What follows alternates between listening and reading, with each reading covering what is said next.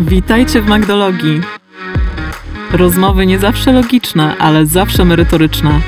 Zapraszam do wysłuchania podcastu Tokeny, tokenizacja i tokeny NFT. Mamy trzech ekspertów na scenie. Bardzo Wam dziękuję, że tutaj przyszliście. Bardzo jestem ciekawa, czym są tokeny NFT, na czym one polegają, do czego można ich używać, bo wiem, że mogą być używane do bardzo, bardzo różnych rzeczy, mają różne zastosowania, więc jakby każdy z Was mógł na początku przedstawić się, nie wiem, czy, czy, czy ktoś jakby chce zacząć, zrobić wstęp. Zacznijmy mówić o tym, powiedzmy, czym są tokeny. Tokeny to jakby następny etap kryptowalut. No I myślę, że właśnie. od tego może byśmy zaczęli. Kryptowaluta jest coś, co możemy wymieniać między sobą, między użytkownikami, będąc własnym bankiem, e, nie być zależnym od e, strony trzeciej, czyli banku, czy na przykład jak wysyłamy pocztę e, standardową, no to jesteśmy w zależności od instytucji poczty, czy tam kuriera. Kryptowalutach tego nie ma, wysyłamy bezpośrednio od siebie do siebie. Jesteśmy własnym bankiem, swój bank możemy mieć w własnym telefonie. Jest taka bardzo, bardzo uproszczona wersja. Natomiast o co chodzi z tokenami i tokenizacją?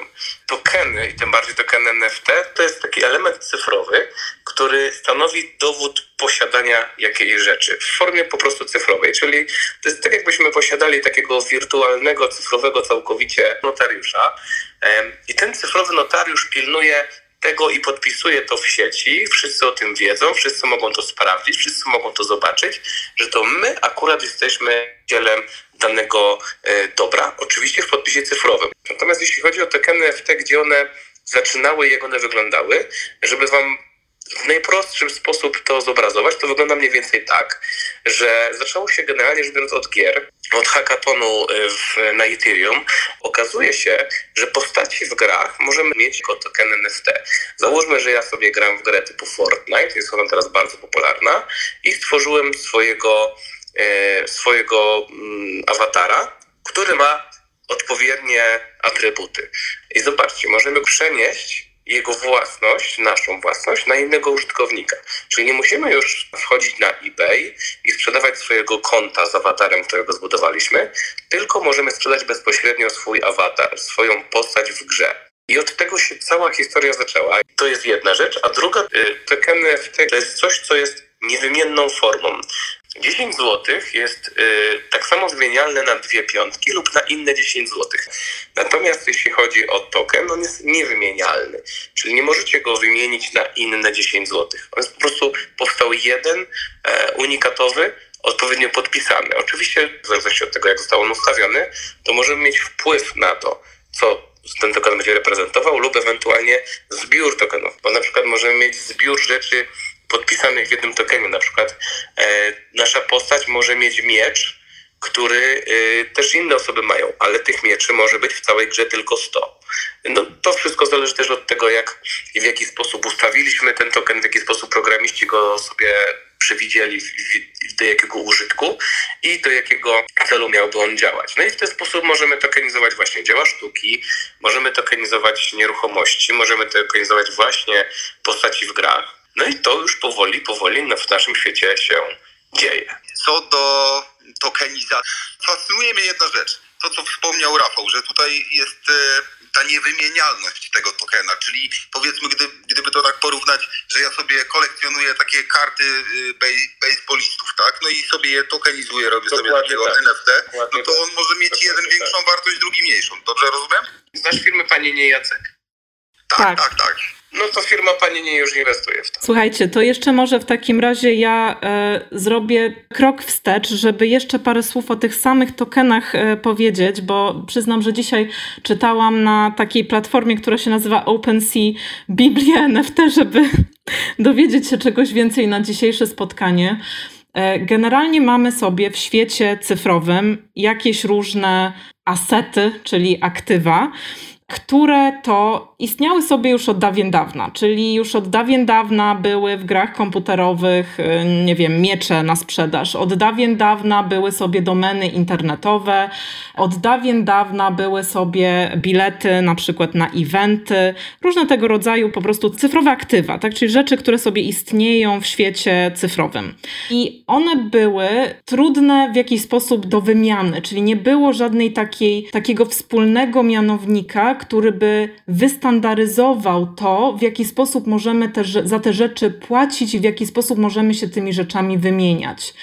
I tak jak są, powiedzmy, e, na przykład dla formaty dla zdjęć, które funkcjonują w sieci w stylu JPEG i PNG, albo jeśli chodzi o, powiedzmy, pokazywanie kontentu na stronach internetowych, to mamy HTML-a albo CSS-a. I to, czym jest ten NFT, czyli ten non-fungible token, non-fungible, czyli właśnie niewymienialny, to jest takim sposobem na to, żeby nadać jeden wspólny mianownik tym niewymienialnym, unikalnym, indywidualnym rzeczom, które sobie istnieją właśnie w tym cyfrowym świecie, w internecie, dodajemy im jakby pewne atrybuty, czyli ten najbardziej podstawowy system do tworzenia tych tokenów tam powoduje, że możemy przypisać do takiego tokenu własność oraz przekazywalność, czyli to, że on należy do osoby X, E, i że ta osoba X w, jakimś tam, w jakiś tam sposób może to po prostu przekazać do osoby Y. Czyli mamy przynależność i mamy tą, tą możliwość przetransferowania tego itemu, tego asetu do kolejnej osoby. Potem jakby to się zaczęło rozwijać, tam była możliwość jeszcze dodania nie jednego asetu, ale ale grupy asetów, czyli zamiast na przykład przekazać komuś jeden miecz, to możemy przekazać e, paczkę dziesięciu mieczy. I wygląda to tak, że dzięki właśnie tej standaryzacji opartej o technologię blockchaina możemy po prostu w jakiś sposób się tymi rzeczami dzielić na takim jakby wolnym rynku, czyli staje się to powiedzmy dostępne dla, dla różnych ludzi, którzy mogą się tym podzielić. Poprawcie mnie, jeżeli coś pomieszałam. Wszystko się zgadza. Ja bym chciał tylko jedną rzecz nadmienić. Dołączył Rakim. No właśnie, widzę. poprosić go o głos. Cześć Rakim, dzień dobry. Cześć, cześć, kłaniam się. Przepraszam za lekki pościg, bo usypiałem dzieci.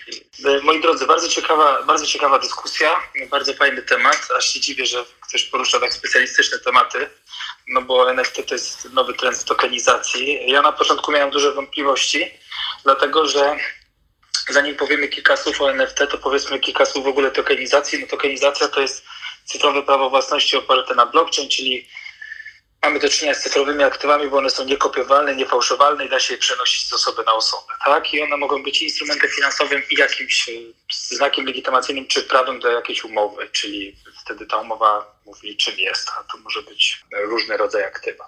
I zawsze, słuchajcie, uważałem, że tokenizacja ma sens nie tak jak w przypadku NFT, że to jest jeden, jedyny token, tylko dlatego, że to dzieło da się podzielić na na przykład milion tokenów. No bo jaki ma sens przypisanie na przykład dzieła sztuki do jednego tokena, bo na tym polega non-fungible token, czyli token jest jedynym tokenem i nie ma takich samych tokenów, tak? Dlatego, że jeżeli mamy kupić całe dzieło sztuki, to idziemy do galerii sztuki, kupujemy całe to dzieło sztuki, ono kosztuje kilka milionów dolarów, kilkadziesiąt milionów dolarów. Jeżeli chcemy kupić nieruchomość, no to też jest to gra warta świeczki, żeby sięgać po, po stary świat. Natomiast podzielenie obrazu na na przykład y, setki tysięcy kawałków powoduje, że można by było kupić udział w obrazie na przykład Leonarda da Vinci czy Jana Matejki za na przykład 500 zł i wtedy ta tokenizacja w moim ujęciu y, miała sens. I nagle się pojawiają te tokeny w NFT i sobie myślę, cholera, o co chodzi? To znaczy, no przecież teraz, jeżeli ma być jeden obraz, jedne, jeden token, no to wtedy już nie mamy tej demokratyzacji, która polega na tym, że każdy może kupić udział w tym obrazie animatyki, który był dostępny tylko dla najbogatszych. Czy każdy może kupić udział, no, po to się jakby robi udział w biznesie, żeby każdy mógł kupić, nie wiem, akcję za 5 zł, a nie firmę za miliard. Demokratyzacja w blockchainie polega na tym, żeby każdy mógł sobie pozwolić na jakiś udział. To jest w ogóle wyrównywanie szans i tak dalej, więc dla mnie ta tokenizacja miała sens, jeżeli dzielimy to na miliony kawałków. Nawet dzisiaj bitcoin kosztuje 200 tysięcy, no to możesz kupić mm, przecież bitcoina za 100 zł, czyli odpowiednią ilość miejsc po przecinku. No i o co chodzi z tymi tokenami NFT sobie myślę, nie? No i przyszedł klient e, i do nas i zrobiliśmy teraz tokenizację NFT i to wyszło jakoś tak w praniu, tak? E, to znaczy stokenizowaliśmy ostatnio zabytkowe samochody, czyli gość po prostu kupuje auto w złomie, wkłada w renowację pieniądze i na produkcie ostatecznym mamy, no, mamy marżę, no bo powstaje coś dużo więcej wartego, tak? I teraz w tym koszyku samochodów są Fiaty 500 za 100 tysięcy i jest Maserati z lat 70. tam za prawie 2 miliony złotych, tak? No i teraz zobaczcie, oczywiście ja nie twierdzę, że ktoś kupi teraz token NFT tego samochodu Maserati za 200 tysięcy, no bo to byłby drogi token, ale pojawiło się coś takiego, że kupujesz po prostu najpierw udział. Udział w, w tym samochodzie, tyle na ile cię stać. Jak kupujesz za 100 zł, to masz jakiś kawałek tego samochodu. Jak kupujesz za 1000 zł, to masz go na całą dobę, a jak kupujesz za 2 miliony, to jest twoją wartością. I teraz pojawiło się coś takiego, że, że można by było w sumie tak zbierać te tokeny, które doprowadzą cię do tego, że będziesz mieć cały ten samochód, który będziesz miał po cenie de facto złomu plus e, odnowienie, a nie po cenie ostatecznej. I rzeczywiście poczułem, poczułem e, motyle w brzuchu w momencie, w którym nie tylko tokenizowaliśmy udział w tym samochodzie, żeby każdy mógł kupić za 100 zł czy za 200, tylko kiedy pojawił się motyw, żeby zamienić te udziały na cały samochód. I rzeczywiście wtedy pojawiły się tokeny NFT. Każdy samochód jest inny i każdy teraz samochód odpowiada jednemu tokenowi NFT. I uwaga teraz, tak jak zawsze rozkminiałem, żeby zastąpić blockchainem księgi wieczyste, spółki KRS-owe też blockchainem, to tutaj po prostu ten token NFT będzie odpowiadał numerowi nadwozia tego samochodu. I rzeczywiście poczułem moc, czyli sobie myślę tak, dobra, jak ktoś będzie chciał kupić udziały, to kupi tokeny, które się składają na przykład, nie milion tokenów, składa się na jeden token NFT, który ten token NFT odpowiada, ten NFT odpowiada Fiat 500, ten Ferrari, ten Mercedes, ten Maserati i każdy ten token ma numer przypisany numerowi nadwozia, jest pewnego rodzaju dowodem rejestracyjnym samochodu na blockchainie. I rzeczywiście nie tylko wtedy kupujemy te udziały w samochodzie, czyli to, co przyświecało mi od początku, ale też mamy jednak ten dowód na blockchainie tego samochodu i rzeczywiście mamy rejestr tego samochodu na blockchainie, mamy oszacowaną jego wartość rynkową, czyli ile rynek ocenia cały ten samochód i możemy go w każdej chwili e, sprzedawać na każdej giełdzie na świecie. Nie? No i wtedy poczułem moc NFT. Nie wiem, jak się Wam pomysł, pomysł podoba, jakby opowiadam empirycznie o tych moich doświadczeniach z tym NFT w ostatnim miesiącu. Dopowiem, że ja jestem e, fanem tego rozwiązania. Tokenizacji samej w sobie też przyglądałem się od jakiegoś czasu. E, widzę też, też właśnie Twoje działania idą mocno w tą stronę też e, giełda i wszystkie rozwiązania, które idą za tym. Też bacznie obserwuję na LinkedInie Wasze poczynania, Wasz wyjazd ostatni do Włoch. To może jakbyś mógł powiedzieć, przybliżyć w jaki sposób widzisz tokenizację tego tej winnicy we Włoszech, bo myślę, że to zbuduje szerszy obraz tutaj dla naszych słuchaczy. W przypadku toskanizacji, to jest tokenizacja winnic włoskich Toskanii, no to, to, to nie jest NFT, to jest coś innego, to jest coś, na co dopiero przyjdzie moda, wydaje mi się, bo tam jest coś takiego, że no, tam są tokeny, które produkują tokeny. To jest coś przewspaniałego, ponieważ bardzo ważna w ogóle w tokenizacji jest, e, jest kontraktowanie nie tylko prawa własności do czegoś, ale także kontraktowanie cyklu życia tego aktywa przez, w przypadku winorośli w Toskanii to będzie 70 lat, bo tyle żyje winorośl. No I teraz e, w tokenizacji, toskanizacji polega to na tym, że kontraktujesz w smart kontrakcie metr kwadratowy ziemi w Toskanii. Tak? On jest teraz w bardzo fajnej cenie, ponieważ jest koronawirus, kryzys gospodarczy, tam rzeczywiście ci Włosi bardzo tanio to sprzedają, więc jest to okazja którą chcemy się podzielić. No i teraz masz token, który jest zaprogramowany tak, że token to jest metr kwadratowy ziemi. I teraz to, co jest najfajniejsze w tokenie, to pamiętajcie, że token to nie jest tylko jakieś cyfrowe prawo własności do czegoś, tylko token to przede wszystkim jest kontrakt, a dokładnie smart contract, czyli najbardziej niesamowite w tokenie jest możliwość zaprogramowania kontraktu, czyli de facto trochę zaprogramowania obietnicy z inwestorem przez emitenta. W przypadku tego metra kwadratowego ziemi to jest e, na przykład to, że po 70 latach token znika z swojego portfela, bo tyle żyją winorośli. Tak? E, znaczy nie, tu akurat, tu akurat jest metr kwadratowy ziemi, więc to jest wieczyste, ale tokenizujemy metr kwadratowy ziemi, to jest jeden projekt i tokenizujemy sadzonki winorośli, to jest inny projekt. Jak kupujesz sadzonkę winorośli, która daje wina, no to masz 70 lat, a jak kupujesz ziemię, no to masz e, kontrakt wieczysty, tak, czyli na zawsze.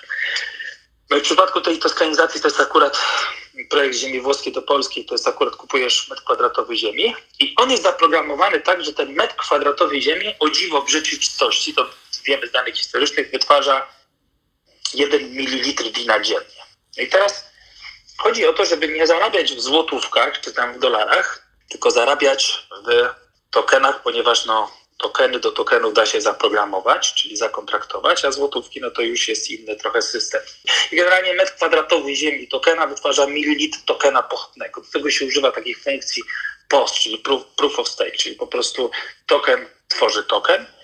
No i jeżeli masz metr kwadratowy, on ci tworzy mililitry. I teraz tworzysz te mililitry tokenów, no jak uzbierasz 750 mililitrów, no to możesz po prostu to wino wypić lub je sprzedać, czyli wystawić na giełdzie na sprzedaż które dystrybutor kupi po cenie hurtowej. Więc to jest taki token, który nazywamy POSem, czyli Proof of Stake, czyli token wytwarza token. Ten sam mechanizm zastosowałem w farmach fotowoltaicznych. Panel tworzy energię, więc to jest trochę inny token niż NFT. Ja powiem szczerze, o ile y, y, trochę w tych tematach jestem, to tak się cały czas zastanawiam, na ile y, wy oscylujecie pomiędzy tymi tokenami utility, a jednak trochę nie, bo, bo bo, bo, trochę aż się samo nasuwa to, aby zrobić z tego mimo wszystko jednak jakieś tokeny, które mogą y, przedstawiać wartość, prawda? Każdy token przedstawia to, co przedstawia. Może przedstawiać wszystko, bo może przedstawiać taką wartość, inną. Wszystkiego do końca nie może Rahim przedstawiać, no bo nie może przedstawić ci token utility dywidendy, którą będziesz miał ze sprzedaży wina, prawda? Czy też winnicy, czy tam w eee. operacjach na winnicy. Wiesz co, y, dywidendę też można stokenizować moim zdaniem. To znaczy, jeżeli stokenizowany metr kwadratowy ziemi wytwarza stokenizowane mililitry wina jest to zaprogramowane, że to jest 365 ml rocznie, czyli 1 ml dziennie, to wtedy jeżeli chcemy te mililitry zamienić w złotówki, to musimy stokenizować złotówki, czyli zrobić tak zwany stablecoin do złotówki, czyli mamy tokeny złotówki i teraz, jeżeli ustalimy, że butelka wina hurtowo kupiona przez dystrybutora od rolnika, bo kupując metr kwadratowy ziemi staje się automatycznie rolnikiem, jest 2 euro, no to wtedy automatycznie zgenerowany zakup tych tokenów pochodnych na giełdzie za 2 euro, które ty możesz mililitry wymienić wtedy na stablecoiny do złotówek. No i wtedy ziemia stokenizowana tworzy ci mililitry, mililitry tworzą ci stokenizowane złotówki i to jest jeszcze fajne z tymi stokenizowanymi złotówkami. U nas to się nazywa OPLN, czyli Omega PLN, bo dalej nie płacisz podatku, bo jesteś w tokenach, tak? Czyli dalej jeszcze się tak naprawdę nie skaszowałeś. To jest też, dostaliśmy na to zgodę KNF-u. Przepraszam, właśnie chciałem się zapytać, czyli rozumiem, że macie zgodę KNF-u na OPLN, tak? Tak, mamy zgodę KNF-u na OPLN i bez OPLN-ów by się nie udało nic zrobić, ponieważ e, no, musielibyśmy podatkować każdy ruch, nie? A każdy ruch u nas jest e, właśnie, odbywa się zanim ktoś wypłaci te pieniądze, złotówka jest w OPLN-ach. I tu mamy zgodę na to, że nie potrzebujemy mieć, być instytucją finansową, żeby operować OPLN-ami, a OPLN no to mamy zdeponowane wtedy złotówki. Natomiast jakby ktoś chciał wymienić na przykład mility na OPLN, a OPLN na, na przykład na whisky albo na bitcoina, no to dopóki jesteśmy w świecie krypto, no to i nie zamienimy tego na fiaty, nie płacimy od tego podatku. Jaka jest różnica tak, między tokenizacją a między tokenami NFT? Mamy zwykły token i mamy token NFT. O co chodzi? W przypadku zwykłych tokenów, e, które mogą mieć różne funkcje, no bo token może być płatniczy, czyli jest pewnego rodzaju kryptowalutą, token może być e, udziałem w biznesie, czyli jest wtedy instrumentem finansowym, token może być udziałem w rzeczach, czyli na przykład w obrazie, wtedy nie jest instrumentem finansowym, tylko jest po prostu znakiem legitymacyjnym do tej rzeczy, czyli prawem do tej rzeczy. I teraz e, do pojawienia się NFT, jeżeli podzieliliśmy obraz na milion kawałków, to było milion takich samych tokenów. Rozumiecie?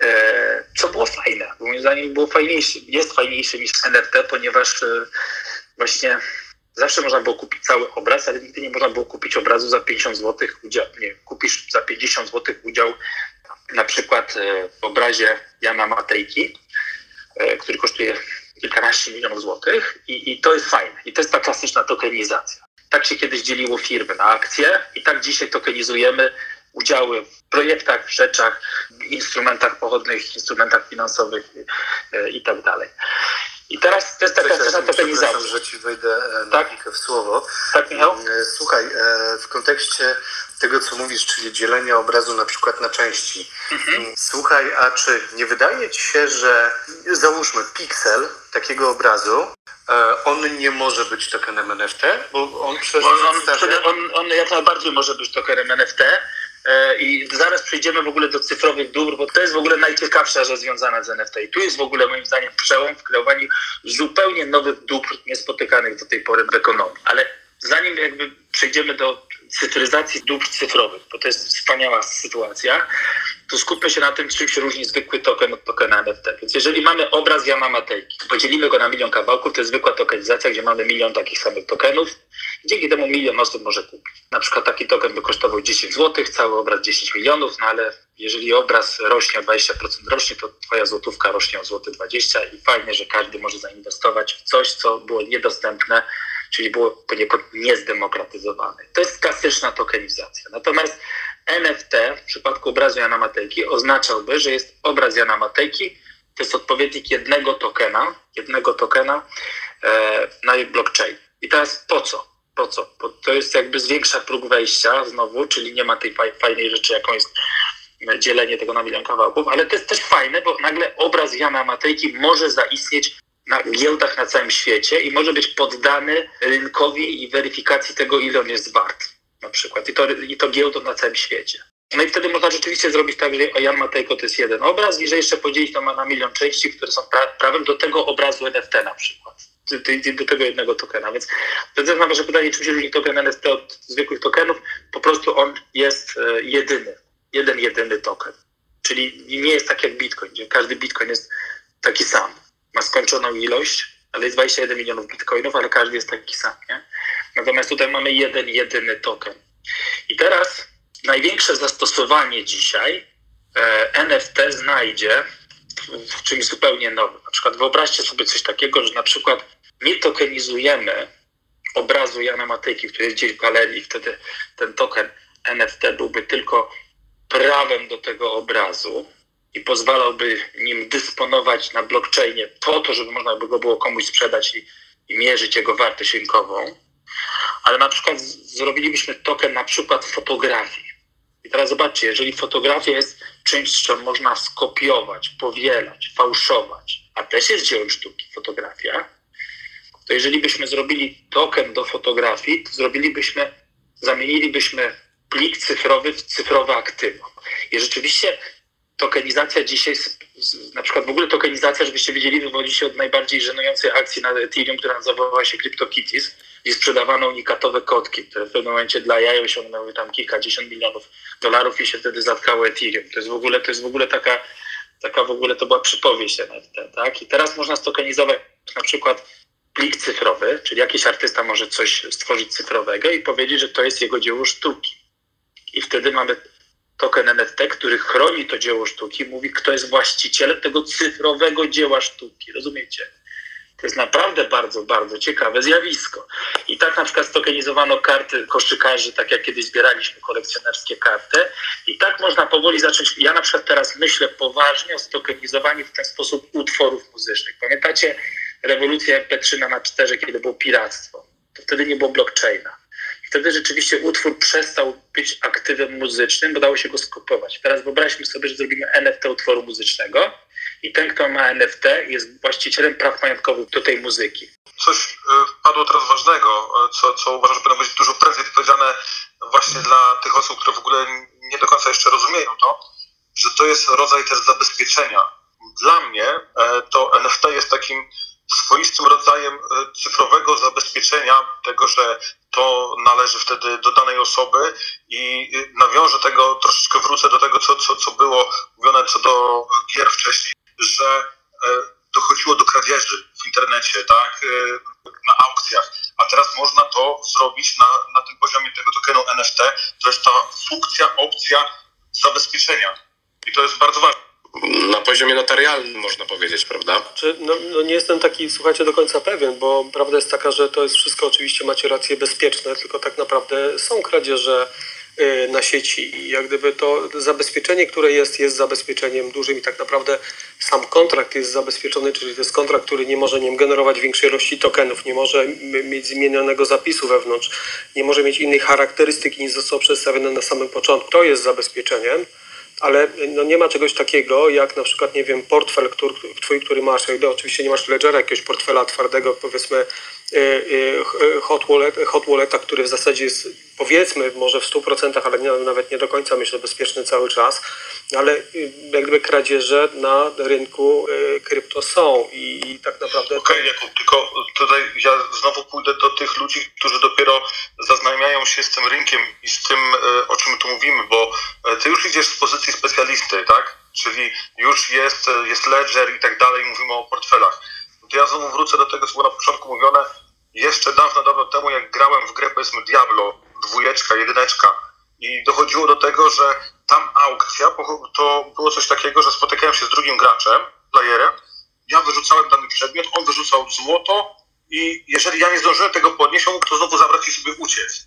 I mówimy o czymś takim, więc dzisiaj, jeżeli mówimy już, już nie o kontraktach, a o tokenach NFT, gdzie można to zapisać, gdzie można to stokenizować i że tam można wpisać, kto, do kogo to przechodzi, no to to już jest rodzaj zabezpieczenia, to już jest y, większy stopień ochrony tej aukcji, że tak powiem, w świecie wirtualnym. Przejdziemy też sobie do takiego momentu, kiedy porozmawiamy o tym, jakie są plusy, jakie są minusy zagrożenia, e, jeśli chodzi o tokeny NFT, ponieważ one się pojawiają, tak? Jakby teoretycznie każdy może ten token e, sobie zapisać, więc no, różne rzeczy tam się pojawiają. E, ja bym tylko chciała, żeby Rahim miał okazję tutaj do końca powiedzieć to, co ma do powiedzenia, i wtedy będziemy przechodzić do jakby kolejnych osób, które będą chciały coś dodać do tego, co powiedział, albo zadać kolejne pytania. No więc to, co chciałbym, żeby wybrzmiało, to jest to, żeby wszyscy zrozumieli różnicę między klasycznym tokenem e, a, a między tokenem NFT, czyli tamte są takie same, natomiast NFT jest jedyny w swoim rodzaju. Natomiast klasyczna tokenizacja akurat daje więcej możliwości. I takich rodzajów tokenów jest dużo, bo, bo, są różne trendy. Tak? Ostatnio był trend DeFi, czyli zdecentralizowane finanse, czyli przede wszystkim koncentracja na e, programowaniu smart kontraktów. Teraz jest NFT, potem będzie jeszcze coś innego. W każdym tym hypie coś zostaje. To nie jest też taka wydmuszka. Natomiast to, co chciałbym powiedzieć, to tutaj panowie poruszyli dwie bardzo ważne rzeczy. Pierwsza rzecz, Jakub, kwestia bezpieczeństwa, a druga rzecz, nie wiem czy Krzysztof, chyba Kamil, poruszył kwestię wygody. Więc zacznijmy od tej wygody. Ja uważam, że przyszłość należy do portfeli kryptoaktywów. I to jest bardzo wygodne, słuchajcie. Jeżeli ktoś z Was odziedziczył gdzieś jakąś działkę, komuś został jakiś obraz na strychu, ktoś e, e, ma jakąś małą nieruchomość, ktoś ma jakieś udziały firmy w KRS-ie, a ktoś ma jakieś akcje w domu maklerskim, a ktoś w equity crowdfundingu kupił nie wiadomo co i nie wiadomo gdzie to leży, no to byłoby wspaniale, gdybyśmy mieli taki portfel kryptoaktywów, który można by było dziedziczyć i w którym miałbym, że mam taki samochód zabytkowy, taką nieruchomość, taki pakiet akcji, taki obraz i miałbym to wszystko w jednym miejscu. Moim zdaniem to jest dużo fajniejsze mieć takie NFT w portfelu niż gdzieś e, jakieś prawa własności w różnych jurysdykcjach prawnych. Masakra. Ja sam się urodziłem w Macedonii i bym chciał dojść do tego, że ktoś tam mi zostawił coś, ziemia, nie ziemia, no to, no to, no to szybko by tam, bałkany tam by doszło do, do strzelaniny między sąsiadami. Wolałbym NFT. To jest przyszłość. Natomiast ta przyszłość jest bardzo daleka. Dlaczego? I teraz przechodzę do Jakuba kwestii bezpieczeństwa. To znaczy, jest jeden problem, który filozoficznie nie został rozwiązany na blockchainie. To znaczy, jak mamy na przykład konto w banku i zgubimy hasło, dzwonimy do banku i prosimy, żeby je odzyskać. Jak zgubimy hasło w Gmailu, no to odzyskujemy, bo zgłaszamy się do supportu Gmaila, tak? W przypadku portfeli kryptowalutowych i w ogóle blockchaina nie mamy się do kogo odezwać. Więc de facto jesteśmy dani na siebie. To jest niestety przykre, bo z jednej strony jak nie dzwonimy do banku, to znaczy, że bank nam może pomóc, ale bank nam też może zabrać, a z drugiej strony na blockchainie każdy jest dany na siebie. I ja też nie do końca uważam, że to jest fajne, że każdy jest dany na siebie, bo człowiek może zgubić hasło, więc ja też bym potrzebował takiego blockchaina w blockchainie, tak? czyli coś, coś takiego, że jakbym chciał dziedziczyć na przykład, żeby to mój portfel kryptoaktywów bo wszystko pójdzie w stronę kryptoaktywów lepiej niż, niż KRS-ów i ksiąg wieczystych i dziwnych, dziwnych starych administracji, to ja bym jednak chciał mieć to poczucie, że jak gdzieś nie zgubię telefonu, to nie będę go szukał gdzieś na wysypisku, bo zgubiłem hasło, tak? I, i tutaj rzeczywiście tu jesteśmy dalecy od, od, od, zastosowania tego i na pewno nie jest tak, że ktoś mówi tam, że blockchain uczy odpowiedzialności to jest bzdura w ogóle. To trzeba jakoś rozwiązać, więc gdzieś jest potrzebny jeszcze jakiś czy jakiś znak papilarny na przykład, czy odcisk, który by zawsze poświadczył, że ja to ja nawet jak zgubię hasło, albo tym bardziej jak ktoś mi, nie wiem, ukradnie na przykład, tak? A więc rzeczywiście wygodne to jest, bezpieczne moim zdaniem, jeszcze jest to dalekie od bezpieczeństwa. Słuchajcie, przede wszystkim jest to też dalekie od bezpieczeństwa, dlatego że my rozmawiamy o kryptoaktywach na blockchainie, a teraz każda transakcja, czyli zmiana jakakolwiek na Ethereum kosztuje 50 zł. I my sobie nie zdajemy sprawy. Mieliśmy teraz upadek jednej giełdy Tokeneo parę dni temu, e, parę tygodni temu, CoinQuista też. To są przede wszystkim giełdy, które w ogóle nie działają na blockchainie. Giełdy nie działają na blockchainie, giełdy kryptoaktywów, kryptowalut, bo nie mogą działać na blockchainie. Po pierwsze, dlatego, że transakcje na blockchainie, czyli ci notariusze, górnicy e, Ethereum są bardzo drodzy teraz poprzez e, walutę Ether, więc jest to przesłanie teraz tokena z jednej osoby do drugiej kosztuje 50 zł, co jest absurdalne w ogóle, 10 dolarów, 12. Więc de facto trzymamy to tak naprawdę w portfelach centralnych tych giełd. Czyli jest to bardzo drogie. Tak? E, a druga sprawa jest taka, że nie ma technologii, która pozwala bezpiecznie e, e, uprawiać szybki trading na giełdzie. Więc tak naprawdę my dzisiaj mamy do czynienia z pseudo w ogóle projektami opartymi niby na blockchain. A pamiętajmy, że one, one odchodzą z tych instytucji zaufania na rzecz technologii, a wcale nie używają tych technologii, bo ta technologia dzisiaj blockchain to jest tak, jakbyśmy kurczę puścili film w latach 70. kurczę przez internet. Natomiast za 20-30 lat e, gdzieś urodzi się coś, co będzie. Ludzie, jak będą wspominać księgi wieczyste, na które się czeka zmianę w administracji 6-7 miesięcy, to, to, to, to, będą się śmiać. Nie? Długa, długa jeszcze droga przed nami, ale nieuniknione są te zmiany. Świetnie. Jeżeli, jeżeli mogę, Magda. Czy, tak, tak, śmiało. Jakub, jakbyś mógł też tylko jeszcze dosłownie dwa słowa o sobie powiedzieć i o tym, w jaki sposób ty jesteś powiązany, czy, czy tam w jaki sposób zajmujesz się też tokenizacją i, i jak to u ciebie wygląda, żeby wszyscy też wiedzieli, z jakiej perspektywy będziesz nam zadawać pytania, opowiadać różne rzeczy. Ja w zasadzie tokenizacją zainteresowałem się no mniej więcej dwa lata temu, w momencie, kiedy e, był taki szał na, na IEO i tutaj gdyby też wytłumaczenie od razu IEO tak naprawdę to jest Initial Exchange Offering, czyli wykreowanie pewnego tokenu, powiedzmy utility, to jest taki token użytkowy bardziej. Nie mówmy tutaj o tokenach security, które są bardziej powiązane, są bardziej aktywami finansowymi niż takimi aktywami utility. E, oraz dystrybucja, czyli mm, zrobienie promocji przez konkretną giełdę i wypuszczenia e, danego tokenu na listing przez jak gdyby daną giełdę, czyli wpuszczenie go w obrót giełdowy. Oczywiście to nie świadczy o tym, że my nie możemy robić private sale danego tokena wcześniej czy później, e, natomiast no, jest to pewien sposób dystrybucji, który miał swój mm, szał 2000 bodajże, nie zabiciem jeżeli się pomylę, ale wydaje mi się, że to był koniec 18, początek 2019 roku. Ja w tokenizacji znalazłem się stąd, że kiedyś zajmowałem się nieruchomościami, później z moimi wspólnikami zajęliśmy się takim projektem dwa lata temu tokenizacji nieruchomości, co nie jest absolutnie prostą sprawą i jeżeli ktoś nie śledzi tego, e, tego rynku, to ciężko jest wiedzieć o tym, że gdyby tego typu firm było bardzo, bardzo dużo, no niestety z różnym powodzeniem wchodziły na rynek i jak gdyby bardzo spektakularnie, no niestety kończyły swój żywot w różnych momentach wartości tam jakości produktu.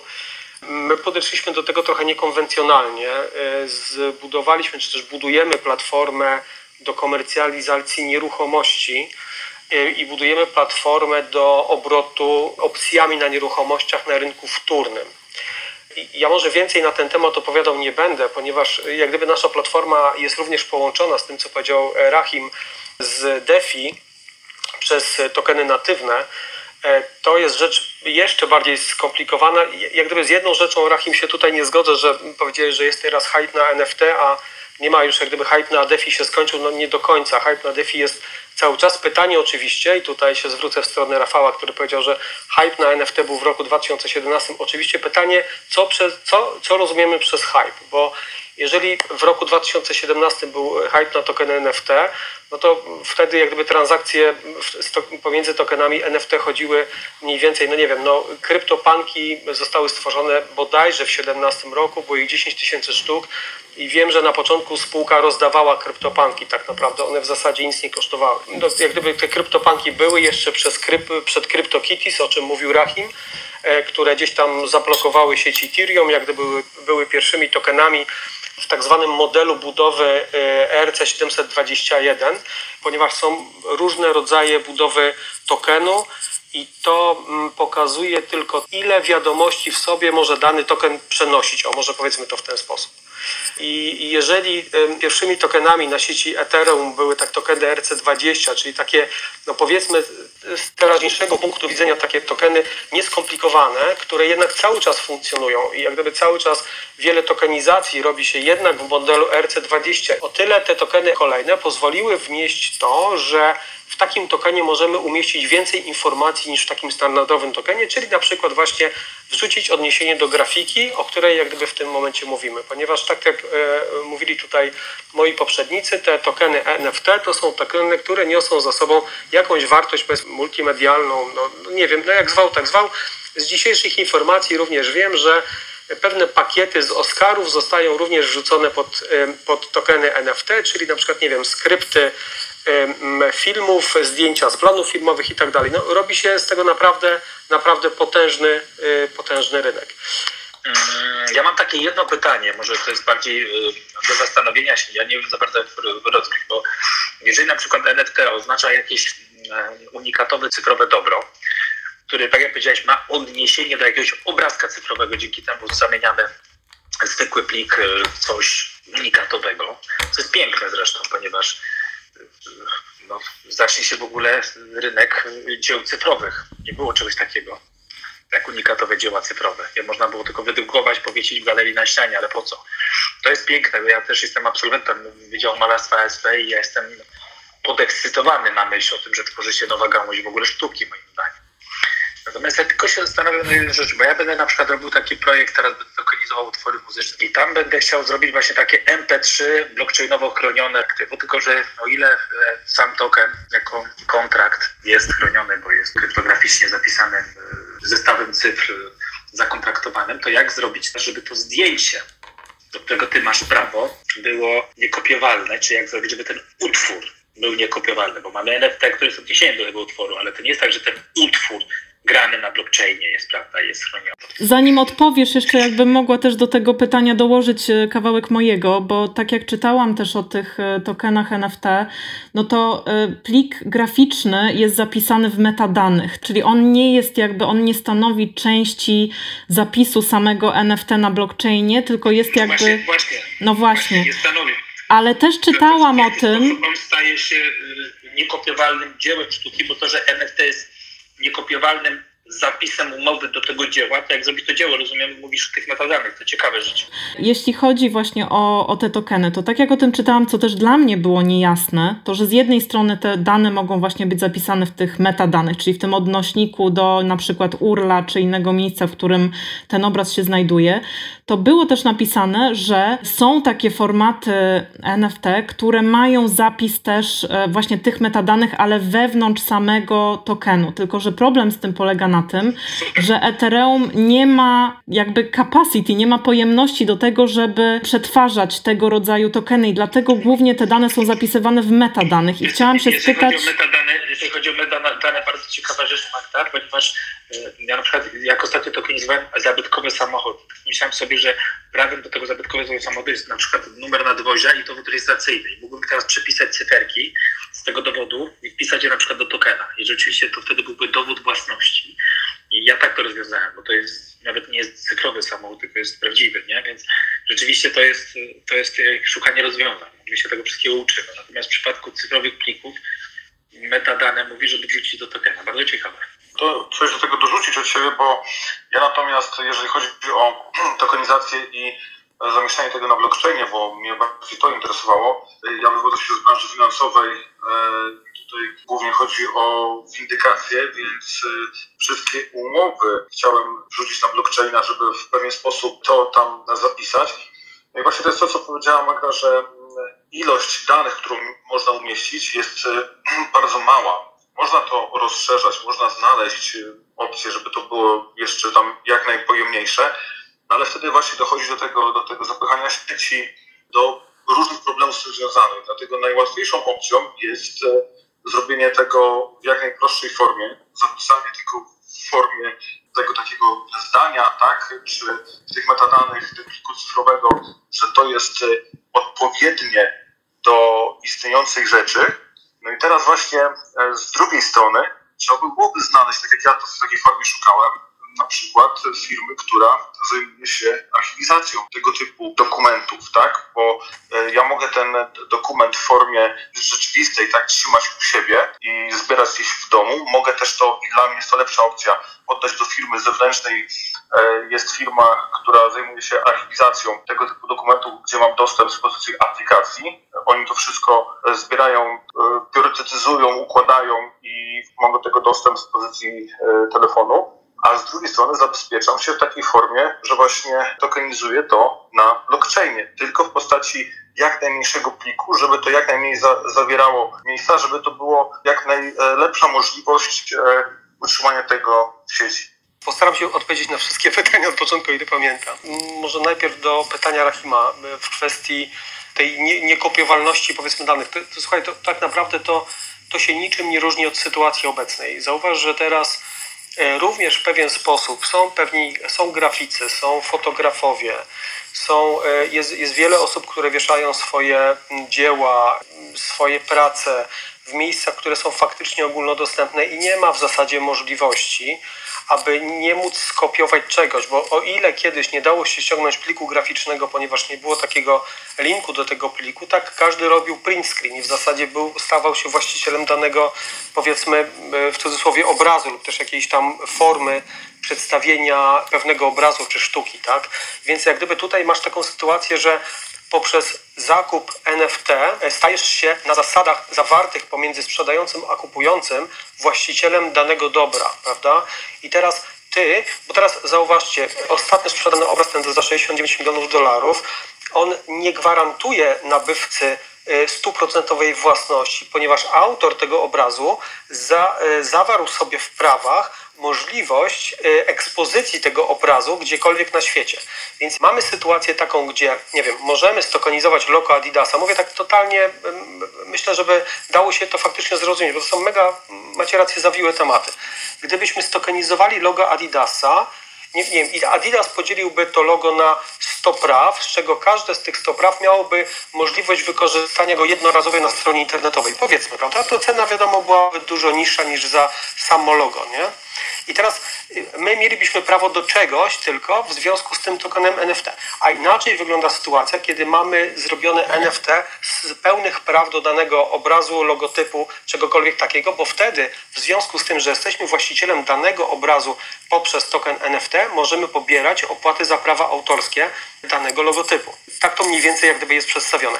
Teraz troszeczkę z drugiej strony y, odniosę się do zabezpieczeń, ponieważ Kamil tutaj zapytał się, jak że sieć Ethereum jest zapchana. Oczywiście, Rahim tutaj wcześniej bardzo dobrze powiedział, że y, sieć, sieć Ethereum jest tak zapchana, że w zasadzie teraz zapłata za gaz, czyli za to paliwo, które potrzebujemy do przesyłu danych y, w sieci jest strasznie wysoka i czasami nie opłaca się robić pojedynczych transakcji, ponieważ kwota za przesłanie takiej transakcji jest dużo wyższa niż sama transakcja.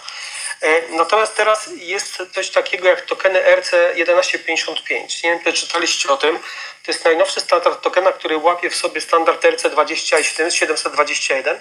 I to są tokeny, które tak jak na przykład token ERC721, czyli to jest token, na którym opierają się aktualnie tokeny NFT, w większości, bo część jest na, na RC20, ale w większości e, może zawierać jedno dobro w sobie, powiedzmy, o tyle token 1155 może ich zawierać 100 tysięcy w sobie. Czyli my za ten token płacimy tak jak za przesył jednego tokena w sieci, który ma w sobie 100 tysięcy tokenów. I to jest trochę taka odpowiedź, myślę, dla Ciebie, Kamil, że powoli y, osoby, które odpowiadają za tą sieć, pracują nad rozbudową całej sieci, czy też powiedzmy jakichś rzeczy, które biegają po tej sieci, myślą już o tym, że no kres sieci Ethereum w zasadzie się zbliża. I trzeba zrobić wszystko, żeby zacząć zbijać te dane w większe grupy. Y, ja bym się chciał odnieść tutaj do, do kilku rzeczy, które powiedziałeś, bo y, było bardzo dużo rzeczy, których, których mówiłeś i myślę, że warto je złapać. Zacznę od końca. Ostatnia rzecz kwestii sieci. Jak najbardziej to jest problem i ten problem myślę, że będzie się nasilał. Zobaczymy, co będzie w wypadku, gdy wejdzie Ethereum 2.0 i POS. Druga rzecz do tego, mamy kilka sieci. Przecież mamy Robstan, Kowan, Rinkeby, mamy Girly, więc jest kilka tych sieci, które i tak, i tak wewnątrz możemy wykorzystywać. E, oczywiście to też ważne, że mamy te trzy standardy tokenu, czyli ten RC20 i, i pozostałe dwa, które powiedziałeś, ten e, starszy i nowszy. Ten nowszy 721, 721, dokładnie. Ten akurat miał taki problem, że tam nie dało się zrobić warstw, czyli kwestia tutaj podzielności, podzielności e, jakby e, tego, co mamy w środku. O czym tutaj mówię? Jeżeli mamy 100 mieczy i załóżmy te 100 mieczy rozdzielamy po, po różnych użytkownikach, i załóżmy, że jeden miał 5, drugi 10, drugi 8, trzeci 18, to w momencie, kiedy oni się tymi mieczami wymienili albo przekazali je dalej, to my nie jesteśmy w stanie zweryfikować tak naprawdę poprawności tego, kto posiadał pierwszy miecz i gdzie ten miecz był. Jakby ta zależność w sieci ma, ma duże znaczenie, ale to już są bardzo, bardzo techniczne rzeczy i myślę, że to możemy pominąć na tą chwilę. Natomiast e, dotknąć tematu e, hype'u, o którym Rahim też powiedział i myślę, że to jest istotne, abyśmy tutaj o tym powiedzieli. Ten hype jest teraz, e, co ważne, Rahim też zaznaczył, że te, coś po tych hype'ach zostaje zawsze. I ja jestem w pełni się w stanie z tym zgodzić. I a propos też tego hype'u, o którym powiedziałeś Jakub w 2017 roku, to nie był tak wbrew pozorom mały hype, bo ten hype był bardzo duży. Tam jeszcze mieliśmy Crypto Celebrity, które mm, e, źle wpłynęło całą sieć i na jej pogląd. E, gorące ziemniaki, gdzie tam mogłeś przekazywać różne rzeczy z rąk do rąk i ten, kto zostawał ostatni, zostawał z niczym.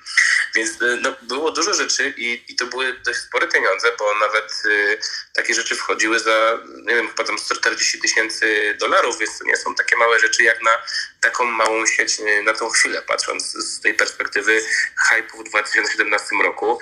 No i teraz mamy podobny hype. Bardzo fajnie zaznaczyłeś też kwestię ICO i tych projektów podobnych, że one obiecywały jakieś rozwiązanie, które pokaże ludziom, że uwaga, słuchajcie, my się zobowiązujemy, że zrobimy jakiś projekt. Ten projekt mamy przeznaczony tyle i tyle czasu. E, do tego zrobiliśmy bardzo ładny roadmap na, na 5 lat do przodu. E, no i okazuje się, że zebraliśmy pieniądze z rynku sprzedając token. E, no i tyle. I, I, na tym się kończyła rola. I to jakby naprawdę jest bardzo, bardzo ostrożnie do tego tematu podchodził. Myślę, że w tokenach NFT taką historię jeszcze zobaczymy, bo to jest idealne miejsce dla osób, które będą chciały w ten sposób po prostu oszukać innych ludzi i będą chciały w ten sposób zarobić, więc myślę, że na to trzeba też zwrócić uwagę i uważać.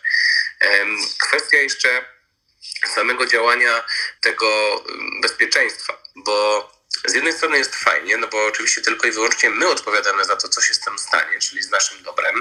Oczywiście mamy to podpisane najmocniejszym notarialnym potwierdzeniem w sieci blockchain i jakby nikt nie jest w stanie z tego ani w żaden sposób zmanipulować, ani w żaden sposób nic z tym zrobić, ale faktem jest, że jeżeli coś się stanie, to nie zadzwonimy do notariusza i poprosimy go o kopię dokumentów, nie zadzwonimy do księg wieczystych, aby nam wyciągnęli dokumenty, że jesteśmy ich właścicielami i potwierdzimy je swoim dowodem tożsamości. No niestety to fakt, nie zrobimy tego ale z drugiej strony też nie, no, nie oddajemy się w trzecią stronę rąk.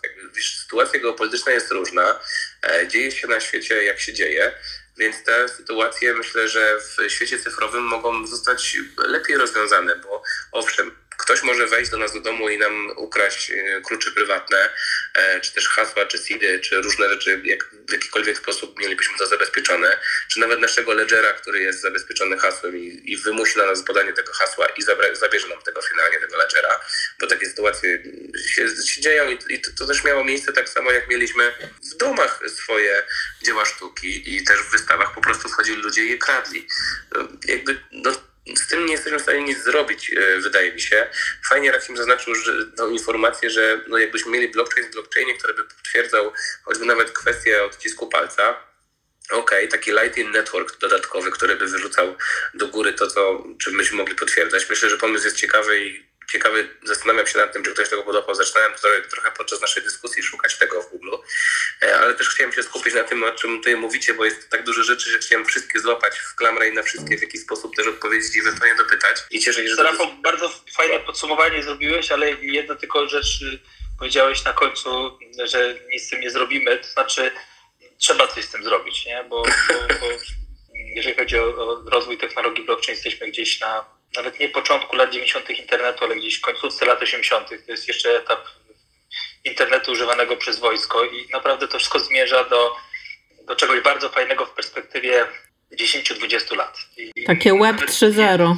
To, o czym my rozmawiamy teraz tak technicznie, to w ogóle nasze dzieci no nie będą w ogóle rozmawiać o tym technicznie, tak jak my teraz rozmawiamy ze sobą, się słyszymy, nie zastanawiamy się w ogóle, dlaczego się słyszymy i dlaczego to działa, bo używamy. Natomiast my jesteśmy tutaj od kuchni w temacie, czyli zastanawiamy się, jak jak to wszystko powoli do życia. To hasło blockchain w blockchainie to też no, tego w ogóle, że nie mam żadnych haseł, bo y, ja nie mam żadnych haseł, bo ani haseł, ani frazy, ja nic nie mam w ogóle, ja nie mam dostępu do swoich portfeli, bo wszystko ma mój dyrektor finansowy i to podobno też jest nienormalne. No, no trochę. Nie, no, no, ale wiesz, no ale jak, no ja nie mam czasu, wiesz, na takie rzeczy, nie, ja nie mam czasu na przelewy i tak dalej, tak samo w banku i tak dalej, no byłoby niepoważne, gdybym ja w ogóle się zastanawiał nad takimi rzeczami. Oczywiście mój notariusz ma mój kryptonotariusz, go nazywam. Ja mam na etacie kryptonotariusza, który mi to ogarnia, bo tego jest bardzo dużo.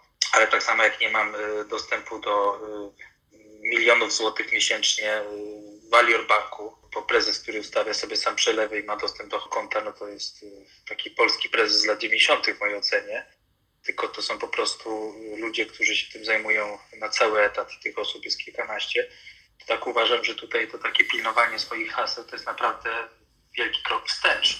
No bo to nawet jest dalekie od do jakiejś strony trzeciej, więc uważam, że tu jest każdy sobie rzepkę z krowy dba o swojego ledgera, to jest słabe. Ale to jest droga przejściowa. Zgodzę się, natomiast pamiętaj, jest bardzo taki e, sławny przypadek, e, gdzie e, człowiek zmarł, człowiek, który na swoim ledgerze miał wszystkie, cały kapitał jednej giełdy, jednej z największych kiedyś na świecie i nikt nie, nie odzyskał do niego klucza do jego ledgera i tak naprawdę te środki wszystkie gdzieś e, przepadły. I tutaj trochę z mojej strony w Twoją stronę, jeżeli jedna osoba ma wszystkie Twoje...